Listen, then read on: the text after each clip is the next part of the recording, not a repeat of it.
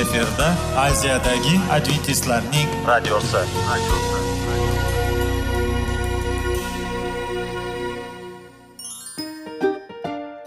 Assalomu alaykum aziz radio tinglovchilar. Sog'liq daqiqasi rubrikasiga xush kelibsiz. Zero tananing sog'lom bo'lishi va uning kasalliklardan saqlash har bir insonning burchi hisoblanadi. Inson uchun bebaho boylik bu sog'liq salomatlikdir. Uni asrash esa har birimizga omonat qilib berilgan. Shuning uchun ham inson o'z sog'lig'ini ehtiyot qilishi voajib amallardan hisoblanadi. Dono xalqimiz sog'liq tuman boylik deb bejiz aytmagan. Aql idroq sohibi bo'lgan inson o'z hayotini qadrlashi lozim bo'ladi. Hozirgi kunda qanchalik dori darmonlar ko'paymasin tibbiy muassa sifati shifokorlar vasiyasi tibbiy texnika yaxshilanmasin. Agar insonning o'z salomatligi haqida qayg'urmasa kutilgan natijaga erishib bo'lmaydi va biz sizlarga bizning dasturimizga xush kelibsiz deymiz.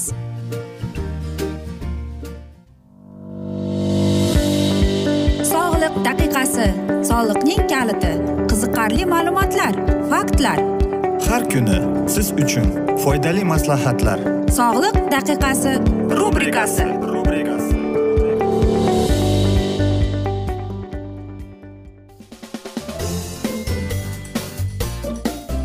assalomu alaykum aziz radio tinglovchilar. Dasturimizga xush kelibsiz va biz sizlar bilan sog'lom ovqatlanish degan dasturda xushvaqt bo'ling deb aytamiz. Va bugungi bizning dasturimizning mavzusi bu skleroz deb ataladi. Skleroz e, bu e, kasallik ko'proq yigirma besh qirq yoshning o'rtasida paydo bo'ladigan kasallik hisoblanadi va bu kasallik ko'proq ayollarda uchraydi. Buning sababi shundaki mm, qarangki miya e, yosh o'tganda miya e, aytaylik yangi qurilishlar bo'lar ekan va e, bu kasallikni kelib chiqishiga omillar judayam sabablar ko'p bo'lar ekan. Va bu kasallikning asosiy belgilaridan ko'p bo'ladi bu bilish kerakki agar ko'z ko'rish qobiliyatingiz pasayib qolsa e, yoki gapirish holatingiz yomonlashsa yoki sizning teringiz o'ta nozik bo'lsa va hokazolar. Qarangki agar biz e, buning tarixini bilib e, chuqurroq borsak skleroz bu qotish qattiq tashish degan ekan. Ya'ni a'zolar tomirlar devori va to'qimalarning spetsifik funksional elementlari bez hujayralari mushak tolalari va boshqalar o'lib o'rnini biriktiruvchi to'qima egallashi natijasida. Ularning qattiqlashishi sklerotik o'zgarishlarning rivojlanishini shikastlangan a'zo faoliyatining pasayishiga olib keladi. Yurak mushaklari skleroz ya'ni kardioskleroz yurakning qisqarishini kamaytiradi. O'pka to'qimalarining sklerozi ya'ni pnevmoskleroz qonning kislorod bilan to'yinishini kamayishiga sabab. Arteriya tomirlari. Arterioskleroz tomirlarida qonning harakat qilinishi shuningdek kislorod va oziq moddalarning a'zo va to'qimalarga yetkazilishini qiyinlashtiradi. Ko'p hollarda turli yalliqlanish jarayonlari bilan kechadigan kasalliklar ya'ni sil zaxm surunkali yalliqlanish jarayoni va boshqalar.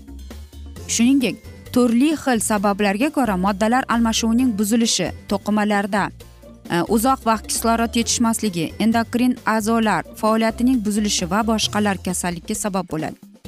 Skleroz odam organizmining barcha to'qimalik va a'zolarida paydo bo'ladi.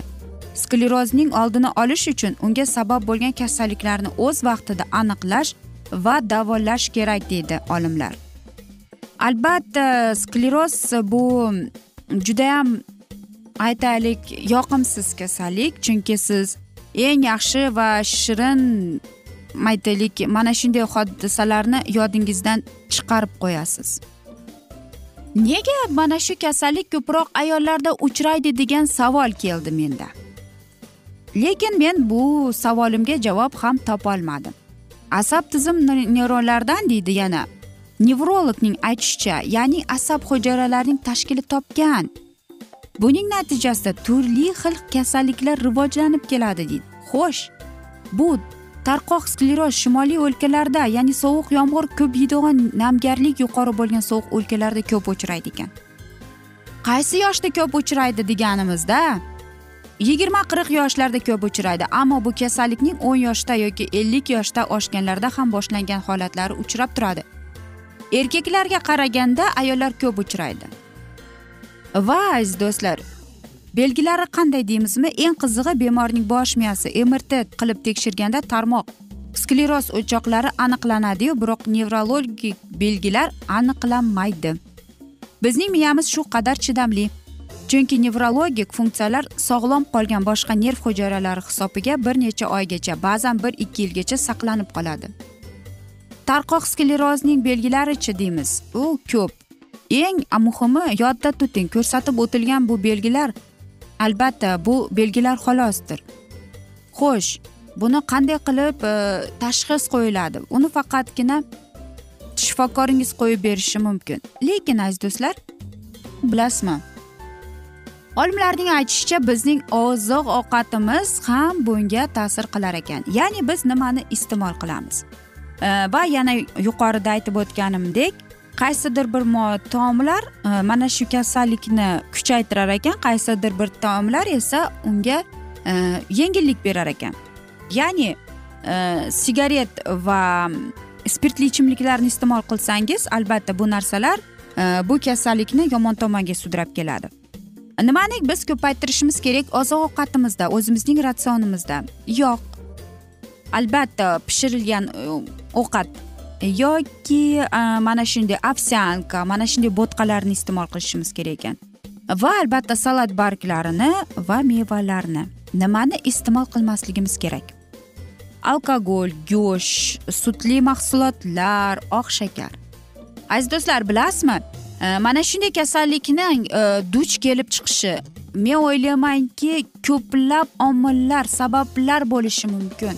Lekin birinchi o'rinda men o'ylaymanki e, bizni e, atrofimizda bo'layotgan hodisalar ham e, mana shunga turtki bo'ladi deymiz. Shuning uchun ham aziz do'stlar mana shu yoshlik mahalda kuch quvvatga to'lasiz. Energiyangiz sizdan chalqib turadi. Sog'lom ovqatlaning meva sabzavot albatta ertalabdan jismoniy mashqlar va siz o'zingizning qarichiligingizni kasalliksiz o'tkazishga yordam berasiz. Biz esa aziz do'stlar mana shunday asnoda afsuski bugungi dasturimizni yakunlab qolamiz. Chunki vaqt afsus chegaralangan lekin keyingi dasturlarda albatta mana shu mavzuni yana o'qib eshittiramiz. Va men o'ylaymanki hammada savollar tug'ilgan. Agar shunday bo'lsa biz sizlarni salomat klub internet saytimizga taklif qilib qolamiz yoki plyus bir uch yuz bir yetti yuz oltmish oltmish yetmish plyus bir uch yuz bir yetti yuz oltmish oltmish yetmish bu bizning whatsapp raqamimiz. Aziz do'stlar va men umid qilamanki bizni tark etmaysiz deb chunki oldinda bundanda qiziq va foydali dasturlar kutib kelmoqda. Biz esa sizlarga va oilangizga sog'lik salomatlik tilagan holda xayr omon qoling deb xayrlashib qolamiz.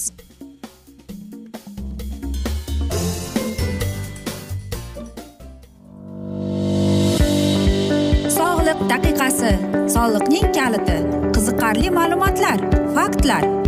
Har kuni siz uchun foydali maslahatlar. Sog'liq daqiqasi rubrikasi.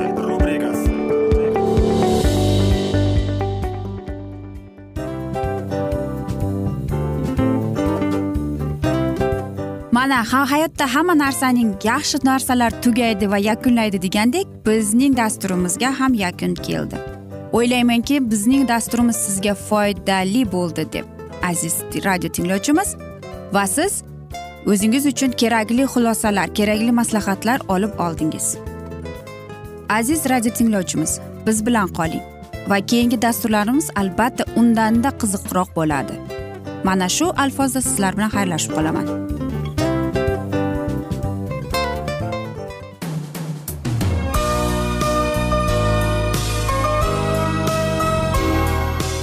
Efirda aziyadagi adventistlarning radiosi. radiosi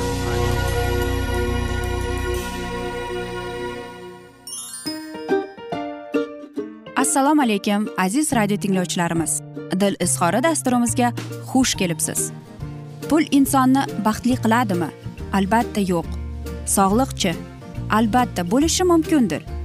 Lekin olimlar shuni isbotlashdiki to'liq va mukammal munosabatlar insonlarni baxtli qilar ekan.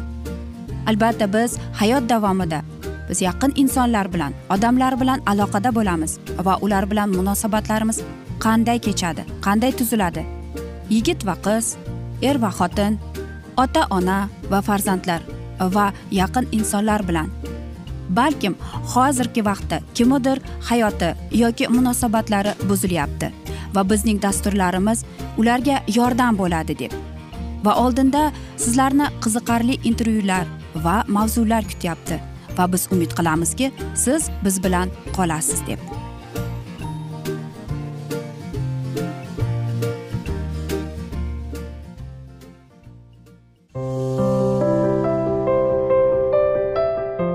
Kuni har xil kasbdagi odamlar bilan sirlashish va bo'lishish sevgi rashq munosabat bularni hammasi dil izhori rubrikasida.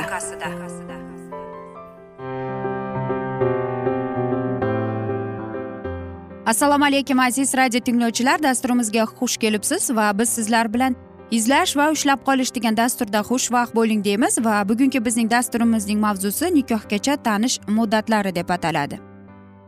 Nikoh oldi omillari klassifikatsiyasida qayd etib o'tilgan omillardan yana biri yoshlarni oila qurgunlariga qadar bir birlarini qancha vaqt bilganliklari. Ular qanday sharoitlar va shartlarga ko'ra tanishib oila qurishlaridandir. Bu omillar nikoh mustahkamligida qanday ta'sir ko'rsatishi mumkin? Albatta oila qurishdan oldin bo'lajak er xotinlar bir birlarini ma'lum bir muddat bo'lajak er yoki xotin sifatida bilib yursalar bir birlarining shaxsiy xususiyatlarini individual xususiyat sifatini qiziqishlari dunyoqarashlari shaxsiy yo'nalishlarni haqida adekvatroq tasavvur va ma'lumotlarga ega bo'lsalar bu tasavvur va ma'lumotlar ularga birgalikdagi hayotlarida bir birlarini tushunib bir birlariga moslashib ketishlariga yordam berishi mumkin. Albatta hozirgi yoshlarimizga juda yaxshi ma'lumki oila kodeksiga binoan nikohdan uchun ariza berilgandan so'ng bir oy ya'ni aniqrog'i o'ttiz uch kun muhlat beriladi. Mabodo shu fursat mobaynida ular o'z niyatlaridan qaytib qolgundek bo'lsalar ularning talabi qondirilib ko'zda tutilgandek nikoh qayd qilinmaydi. Hech bir yashiradigan joyi yo'qki respublikamizda. Istiqomat qilayotgan yoshlarning hammasi ham nikohdan o'tishga oid mavjud qonun qoidalarni yetarli darajada xabardor emaslar va ayrim hududlarda hamma vaqt ham bu qoidaga amal qilinavermaydi. Lekin yoshlarimiz ayniqsa siz o'quvchi yoshlarimizga nikoh oila munosabatlarining qonuniy jihatlaridan ham xabardor bo'lib qo'yish foydadan xoli emas. Xo'sh shu fuqarolik holatni qayd etish bo'limlari tomonidan berilgan o'ttiz uch kun muhlat. Yoshlarimizning bir birlarini mumkin qadar bilib olishlari uchun yetarlimi?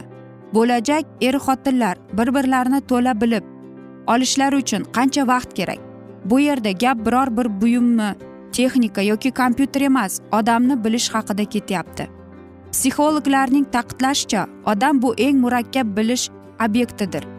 Uni hech qachon va hech kim mutlaq va batafsil bila olmaydi. Chunki u har kuni rivojlanishda shakllanishda o'sishda o'zgarishda bo'lgan murakkab biologik fiziologik psixologik ijtimoiy psixologik ijtimoiy jarayonlar holatlar xususiyatlar majmuni o'zida mujassamlashtirgan eng oliy va shu bilan eng birga eng murakkab mavjudotdir. Uning sir qanoatli qoinot sir asorlaridan ortiq bo'lsa ortiqki asli kam emas. Shuning uchun bir yil o'n yil birga o'qigan yoki bolalikdan birga o'sgan biror bir o'rtog'ingizning xalqida xatti harakatida kuzatilgan ayrim holatlar hozirgacha ham sizni hayron qoldirishi yoki odamlar bilan bir umr birga yashab bir birlarida kutilmagan holatlarini xulq atrof ifodalanishi ko'rinishi mumkin. Bulardan ko'rinib turibdiki odamni to'la to'qqiz bilib bo'lmaydi. Lekin birga turmush qurib yaxshi yashab ketish uchun lozim bo'lgan minimum bilimlarga ega bo'lish uchun bo'lajak turmush o'rtoqlar bir birlarini qancha vaqt bilishlarini kerak. Ko'pincha qancha ko'p bo'lsa shuncha yaxshida degan javob xayolga kelishi mumkin.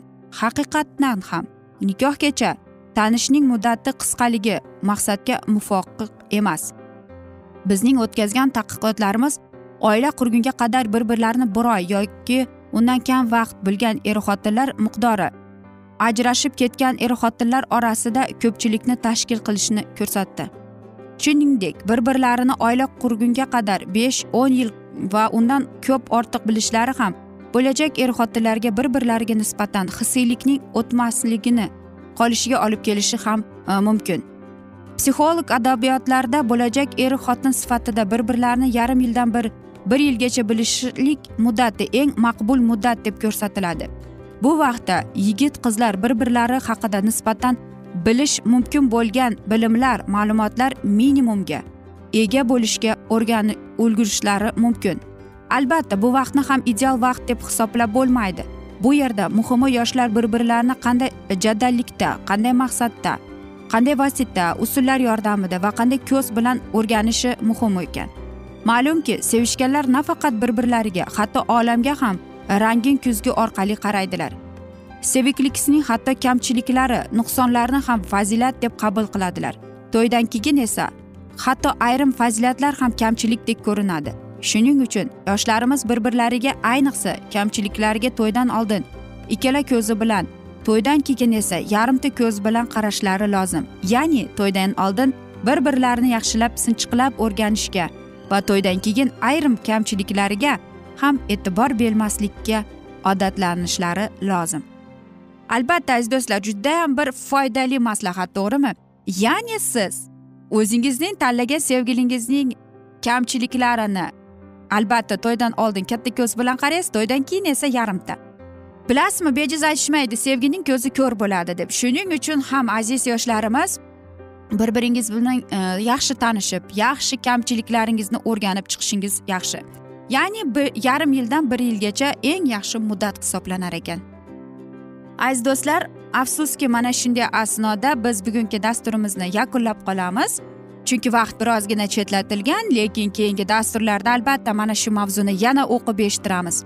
Lekin sizlarda savollar tug'ilgan bo'lsa biz sizlarni plyus bir uch yuz bir yetti yuz oltmish oltmish yetmish e, plyus bir uch yuz bir yetti yuz oltmish oltmish yetmish bu bizning whatsapp raqamimiz savollaringizni bersangiz biz barcha savollaringizga javob beramiz deb aytib qolamiz va men umid qilamanki bizni tark etmaysiz deb chunki oldinda bundanda qiziq va foydali dasturlar kutib kelmoqda sizlarni aziz do'stlar va biz esa sizlarga va oilangizga tinchlik farovonlik tilab yuzingizdan tabassum hech ham ayrimasin deymiz.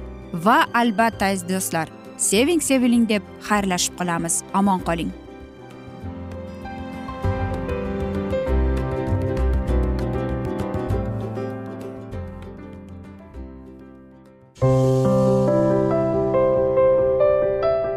Har kuni har xil kasbdagi odamlar bilan sirlashish va bo'lishish. Sevgi rashq munosabat bularni hammasi dil izhori rubrikasida. Mana aziz radio tinglovchimiz bizning go'zal va foydali va chiroyli dasturimiz yakunlanib bormoqda. Sizlarga birozgina maslahat berib o'tmoqchi edik. Bir biringizni seving qadringizga yeting va erkalang albatta bir biringizni va sizga judayam chiroyli va mustahkam munosabatlar tilab qolamiz albatta. Sevgilingiz doimo yoningizda bo'lsin. Mana shu borada sizlar bilan xayrlashib qolamiz. Xayr.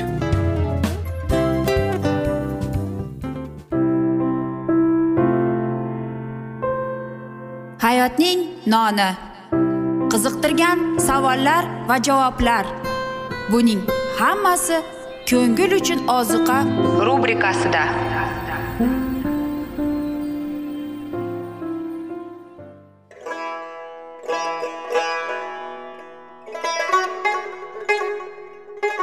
Assalomu alaykum aziz radio tinglovchilarimiz. Ko'ngil uchun oziqa rubrikasida xush kelibsiz deymiz. Siz haqiqatni izlayapsizmi? Olamnimi? Umidnimi? Siz kimga murojaat qilmoqchisiz? Odamlar ko'pincha siyosat kuchiga tayanadilar. Dunyo iqtisodiyoti holati tobora chuqurlashib bormoqda. Tabiiy ofatlar va texnogen halokatlar minglab insonlarning hayotini olib ketib juda katta zarar yetkazmoqda. Sizga abadiy hayot inomini hadya qiluvchi va hayotingizni tubdan o'zgartiruvchi haqiqatni izlab toping. Xudo haqidagi haqiqat uning kalomida mujassamlashgan.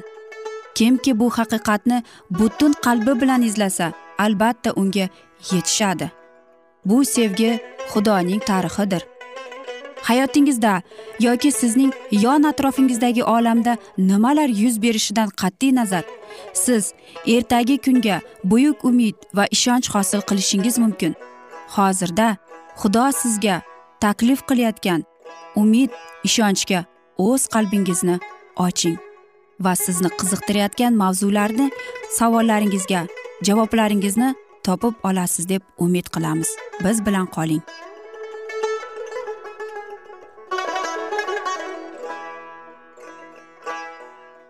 Assalomu alaykum aziz radio tinglovchilar. Dasturimizga xush kelibsiz va biz sizlar bilan ulug' otalar va payg'ambarlar degan dasturda xushvaqt bo'ling deb aytamiz va bugungi bizning dasturimizning mavzusi muso payg'ambar deb ataladi va biz sizlar bilan o'tgan galgi mavzuni bugun yana davom ettiramiz. Muso katta akasi xoringa yo'llantirildi. Qaysiki har kun misrliklar bilan muloqotda bo'lib ularning tilini barkamol bilardi. Xorin senga peshvoz chiqdi deb aytildi unga va xudovandning kuydagi aytgan so'zlarini tonib bo'lmaydigan buyruq sifatida quloqqa kirdi. Sen unga gapirasan va lablariga so'zlarni kiritasan. Men esa sening lablaring va uning lablarida bo'lib nima qilishlaringizni o'rgatib turaman. Va u xalqqa seni o'rningga gapiradi. Demak u sening lablaring bo'lur. Sen esa unga xudo o'rniga bo'lursan. Va u mm, mana shu hassani qo'lingga ol. Uning qo'li bilan sen alomatlar qilursan. Muso boshqa qarshilik ko'rsata olmadi. Zero tonish uchun har qanday sabab yo'q bo'ldi. O'zini so'zsiz tilsiz qobiliyatsiz deb sanagan musoga ilohiy buyruq berildi. Isroil uchun xudoning so'zini yetkazishga qurbi yetmasligi uning ongini mazlum qilardi ammo kunlardan bir kuni o'zining ustiga ushbu mas'uliyatni olib u xudoga butunlay ishondi va ushbu ishga javobgarligini butun qalbi bilan tan oldi va hayotini bag'ishladi.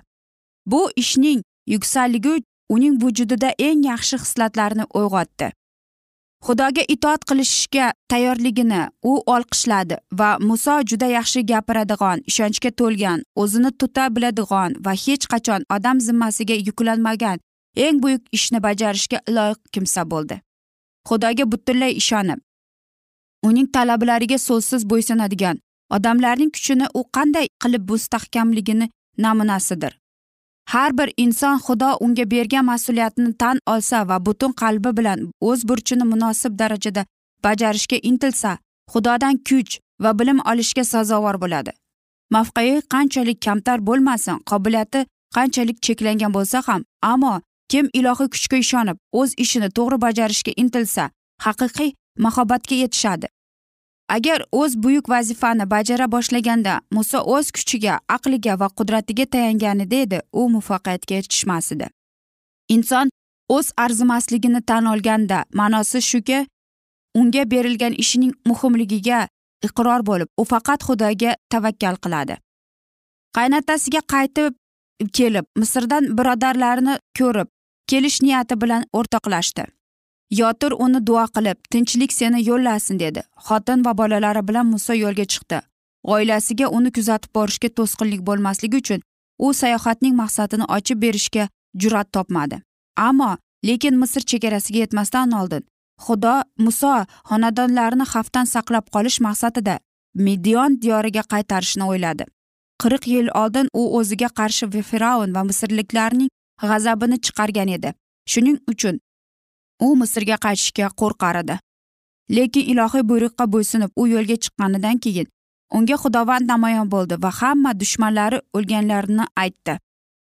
Midiyot yeridan yo'l yo'lakay xudoda xudo undan norozi ekanligiga muso larzaga soladigan jiddiy ogohlantirish oldi. U farishtani ko'rdi. Farishta uni o'ldirmoqchi bo'lganday tahdid qilib ustiga yopirilib borardi. Bu holatda hech qanday izhor yo'q edi. Lekin muso xudoning bir talabini bajarmaganini esladi.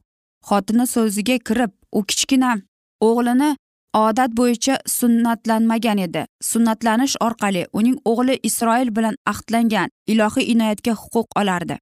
Muso shu shartnomaga beparvolik ko'rsatdi.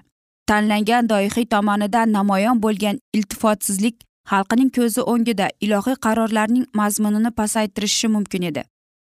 Farishta erini o'ldirmasin deb xavflangan safira o'zi ushbu odatni bajardi va shunda farishta sayohatni davom etishda ijozat berdi. Fir'avn huzuriga yetib borishiga xulosa chiqargan muso buyuk xavfga o'zini duchor qildi va uning hayoti faqat muqaddas farishtalar tomonidan himoya qilinib saqlanib qolishi mumkin edi. Lekin belgili burchini bajarishga ahamiyat bermay u xavf xatarsiz bo'lmas edi. Chunki bunday holda farishtalar uni himoya qilolmasdilar. Masihning yer yuziga qaytib kelishi oldidan iztirob chekishning vaqtida taqvodorlar hayoti samoviy farishtalarning xizmati tufayli saqlanib qolinadi.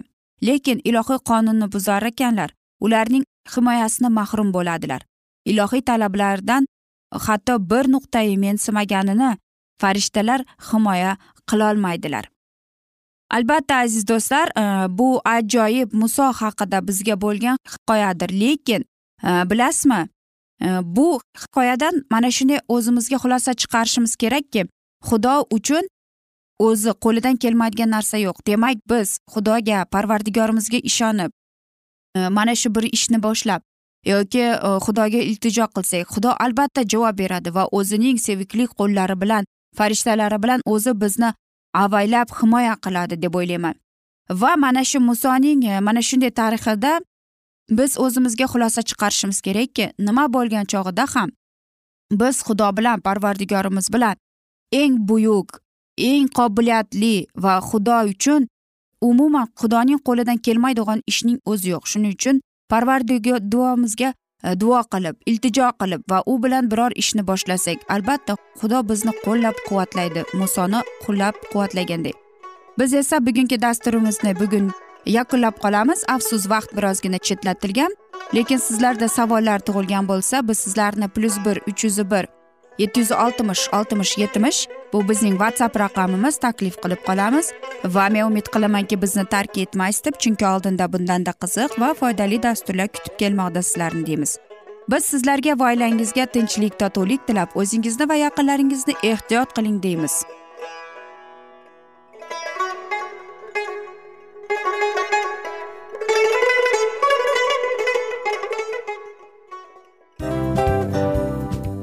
Afsus afsus.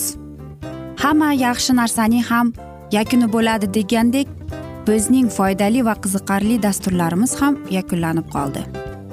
Va men umid qilamanki bizning dasturlar sizga ozgina bo'lsada maslahat berdi foyda berdi. Va sog'liq borasida ayniqsa sizlarga foydali bo'ldi deb. Va siz bizning maslahatlarga amal qilasiz deb. Albatta keyingi dasturlarda undanda qiziqroq undanda foydaliroq ma'lumot berishga harakat qilamiz. Undanda qiziqroq ko'rsatuvlar sizlarga hadya etishga harakat qilamiz. Bizni tanlaganingizga albatta sizlardan minnatdormiz.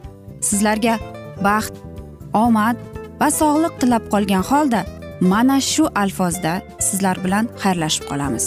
O'zingizni ehtiyot qiling sog' bo'ling omad sizga xayr.